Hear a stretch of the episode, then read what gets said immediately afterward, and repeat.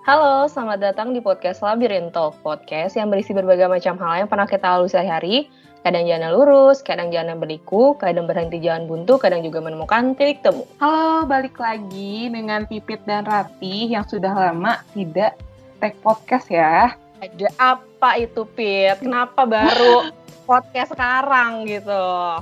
Karena mungkin kesibukan kita yang sangat uh, ini ya berbeda gitu waktunya. Sekarang Apa kita tuh? sudah kedatangan dua bintang tamu. Bintang tamu kita ini pernah ikut Master Chef Junior. Masa teh junior ya? Iya, Oh. nggak ada yang bohong, nggak nggak. Iya, Jadi dua bintang tamu kita ini adalah dua wanita yang iya. kalau misalnya kita perhatikan sih saat kuliah aja tuh mereka gemar memasak gitu. Aja kita sapa kedua bintang tamu kita, Nabila dan Alivia. Hai. Halo semuanya. Udah kayak ini ya, kayak suara satu, suara dua gitu tadi ya. Iya, Masuknya iya. aja udah. Hai. Berarti Via satu ya, Vi? Eh, Kita tanya aja nih kabarnya. Coba dari Nabilah, apa kabar Bil? Baik, alhamdulillah. Kabar saya ya gini-gini aja lah. Oh, Alivia, gimana kabarnya Vi? Baik, alhamdulillah. Lagi sekarang beradaptasi sih sama kegiatan baru. Dan emang kelihatan Lagi- juga di Instagramnya dia kayak lagi ini tih merintis sebuah bisnis gitu. Jadi ini kan apa? Jualan bajigur bukan? Bajigur. ini sekoteng, sekot sekoteng banget. Sekoteng, sekoteng, angkre, Oh, ronde. Tadi kan berhubung sama, eh tadi kan kita udah melihat updatean-updatean di Instagram gitu ya. Kayak Hmm. Lo sekarang merma- memerhatikan gak sih kayak updatean orang-orang kayak pada masak gitu ya, buat nastar gitu ya. Ada yang membuat dendeng buat juga dendeng. ada. Kalian nih demen masak nih ya.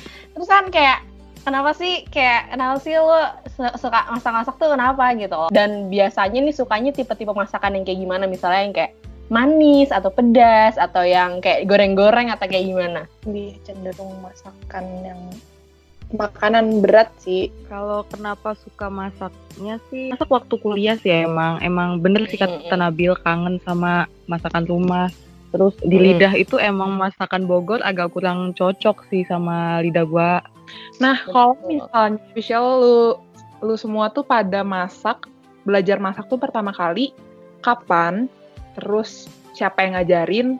Dan lu masih pada ingat gak itu tuh masakannya apa aja? Gak lupa sih eh, mulainya kapan, tapi kayaknya sekitar SMP itu gua eh, nyambel, belajar Hmm. nyambel waktu SMP. Hmm.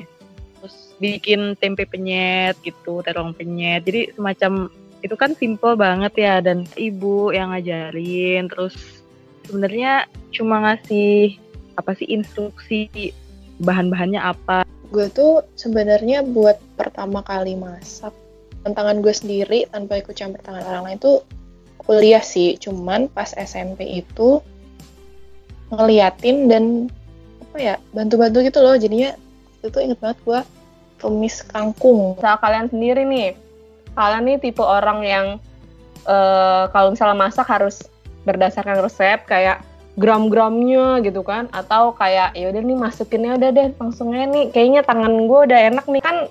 Kalian ngerasa nggak sih kalau misalnya kata orang tuh kalau misalnya beda tangan beda rasa nih, bener apa nggak? Percaya nggak kalau kayak gitu? tergantung masakannya kalau masak lauk gue tipe Hmm. yang nggak lihat resep kalau masak kue wajib lihat resep wajib segram-gramannya harus ngikutin resep gitu. Iya sih gue percaya beda tangan beda rasa tapi gue juga percaya kalau semua orang itu bisa masak asal terbiasa. Jadi kenapa kok beda tangan beda rasa itu ya karena ada orang yang belum terbiasa masak. Gue bener kata Via sih tergantung karena gue lebih cenderung ke lauk-lauk jadinya Mhm. buat masakan yang berat-berat kayak soto, rawon itu tuh gue harus lihat bahannya sih buat takarannya semau gue aja. Gue juga percaya itu sih beda tangan beda rasa. Walaupun ada nih misalkan dua orang yang sama-sama sering masak setiap harinya. Kalau si A masak masakannya si B pasti itu beda gitu loh. Kadang ini terlalu asin atau kurang mendok kayak gitu Gue jarang masak nih. Jadi benar-benar gue tuh ngikutin instruksi banget tuh dulu. Apa tuh namanya? Sup sup instan itu aja gue kayak ngikutin banget. oh iya iya. iya. Tapi gue sekarang tuh belajar kayak eh, gimana ya? Gue ngikutin resep nih, resepnya Mm-mm. tante gue misalnya masakan Padang. Gue ikutin, ternyata ya itu karena tadi katanya beda tangan beda taste juga dan tergantung pasar lu siapa gitu loh. Jadi gue mau nggak mau tuh gue harus harus improve gitu. Dari situ tuh gue mulai belajar kayak oh iya ya lidah orang tuh beda-beda, beda daerah beda-beda. Gue anaknya ya gitu sih. Kayak misalnya gue ngeliat resep gue menghafal itu misalnya kayak nih gue bikin mango sticky rice misalnya kan. Kayak awalnya lihat resep dulu lama-lama ah udahlah segini segini aja. Sesuaikan aja apa mau gue gitu kan. Sesuai sama bahan yang ada juga gitu kan. Nggak memaksakan kayak ini harus segini harus ada gitu. Salah beda tangan beda rasa ya kayaknya sudah di approve oleh teman-teman saya semua saya juga ikut setuju jadi saya juga yes gitu nah, ya iya. pada akhirnya lu punya resep lu sendiri, iya nggak sih? iya betul. Tapi kan itu kalau misalnya kalian masak sendiri ya, ah gue tuh anaknya kalau misalnya masak sendiri ya paling masakan Padang kayak karena ya udah ada yang ngajarin gitu kan. Tapi kan kalau misalnya kayak masakan Sunda, terus masakan Jawa gitu kan gue kayak agak nggak bisa gitu. Harus beli kalau misalnya masak, eh, kalau misalnya mau makan masakan selain masakan Padang. Karena menurut gue Hmm. ya itu otentik aja gitu karena dibikin mungkin sama orang yang asal dari daerah itu. Kalian nih ada nggak masakan yang kalian tuh harus beli nih gitu? Kalau pipit orang Padang beli masakan Jawa, kalau gua justru kebalikannya pit. Gue tuh Hmm. kalau nasi Padang Ini gue udah melihat mat, sih. iya mata matanya ini udah kayak nasi padang sepuluh ribu nih mata matanya nih. Nah. nasi padang sepuluh ribu udah udah nggak usah nggak usah beli daging sekilo gitu kan? kayak tinggal beli aja sepuluh ribu gitu mikirnya masih. Bener bener bener. Itu tuh lengkap gitu kan ada, ada sayur, terus bumbunya Tuh, beragam macam. sambel gitu ya. Iya. harus beli tuh martabak manis sih. Oh Oh, betul cuy. Iya Coy, sih. coy, martabak Iya, mana itu. coy? Pun juga rasanya nggak bakal sama sama yang di apa sih namanya kaki lima itu. Abang-abang ya. Ah, ah, di abang-abang. abang-abang tuh enak banget. sumpah. Nannya pakai ini Vi, pakai ember. Oh iya bener. Oh, iya. itu itu yang bikin rasanya makin gurih dan mantap tuh karena di ember. Embernya ember putih itu kan? Iya, ember yang kayak ember cat itu kan? ya. Itu mah- kalau gue sih anaknya mie ayam dan bakso banget. sih. Makanya tuh terbaik adalah mie ayam dan bakso itu udah fix gerobak udah dah. Nggak ada yang nandingin. Nggak usah bikin-bikin. Nggak usah bikin-bikin lo tujuh ribu dapat mie ayam mau apa lu semua gitu kan. Cilok, cimol, terus udah gitu apa? Cipoy. Telur gulung. Telur gulung. Parah. Telur Telur gulung. ada nggak sih kayak makanan yang sampai saat ini kalian belum ngerasa nih kayak masih belum pas gitu atau nggak kayak nih aduh kayaknya belum belum belum berhasil lah istilahnya gitu Cake sih, chiffon cake, terus roti-rotian itu. Gue masih ngumpulin nyali buat bikin itu sih. Itu goals gue ntar di toples kebahagiaan. Nanti mungkin bisa jadi eh, kardus kebahagiaan kan.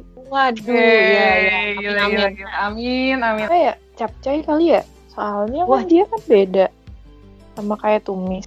Pengen banget gue menaklukkan resep itu. Oke deh, kayak tadi kita udah bahas banyak banget ya, kayak masakan dari Jawa, masakan dari Padang, masakan yang ada di mana-mana. Makanan itu sangat berpengaruh lah bagi kita. Indonesia itu kan negara yang besar dan kaya akan budaya. anjay. Menurut kalian sendiri itu pengaruh dunia kuliner eh, bagi kalian sendiri itu apa sih? Kalau gue sih lebih diuntungkan dengan apa ya? Jadi kita tuh nggak usah susah-susah. Kalau misalkan makanan itu nggak ada di daerah kita nih, contohnya kayak nasi Padang tadi.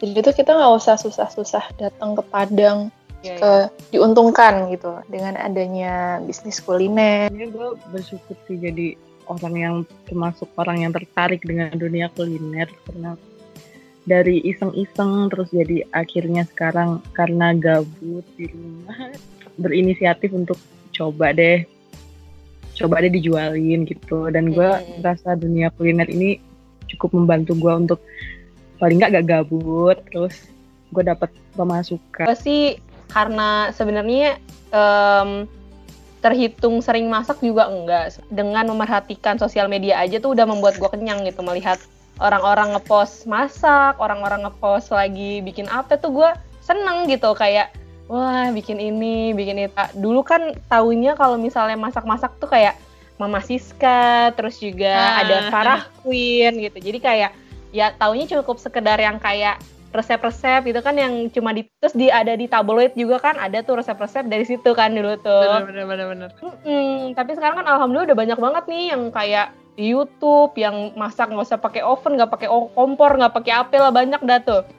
Bener-bener yang simple banget. Makin Terus kreatif ya orang-orang. makin kreatif orang-orang dan makanya kayak em, keren aja gitu ngelihat orang-orang yang bisa berimprove dengan apa namanya dengan budget minim dan juga stereotype yang kayak lu gak bisa masak lu parah banget gitu segala macam ya nggak usah di stereotipkan kayak begitu lu baru nyoba terus langsung dibilang gak enak kan langsung kayak anjir makanan gua nggak enak gitu kan Itu kan Ngedon. Iya. iya jadi jadi tidak semangat lagi gitu ya Bener, Makanya, bener, kayak yang penting harus sering-sering dilakukan saja Betul. gitu. bener kata Via ya itu untuk membantu kita ini ya merintis sebuah bisnis juga itu selain nambah eh, pemasukan juga nambah skill melatih kesabaran anjay terus ber- terus mencoba terus berusaha gitu kan?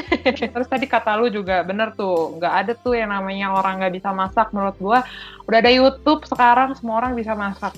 Dan sepertinya sudah selesai nih untuk perbincangan kita pada hari ini. Ya terima kasih kepada kedua gestar yang sangat uh, cetar dan membahana ini yang sangat-sangat menginspirasi dunia sekali gitu ya. See you next week Stay safe everyone. Bye-bye. Bye-bye.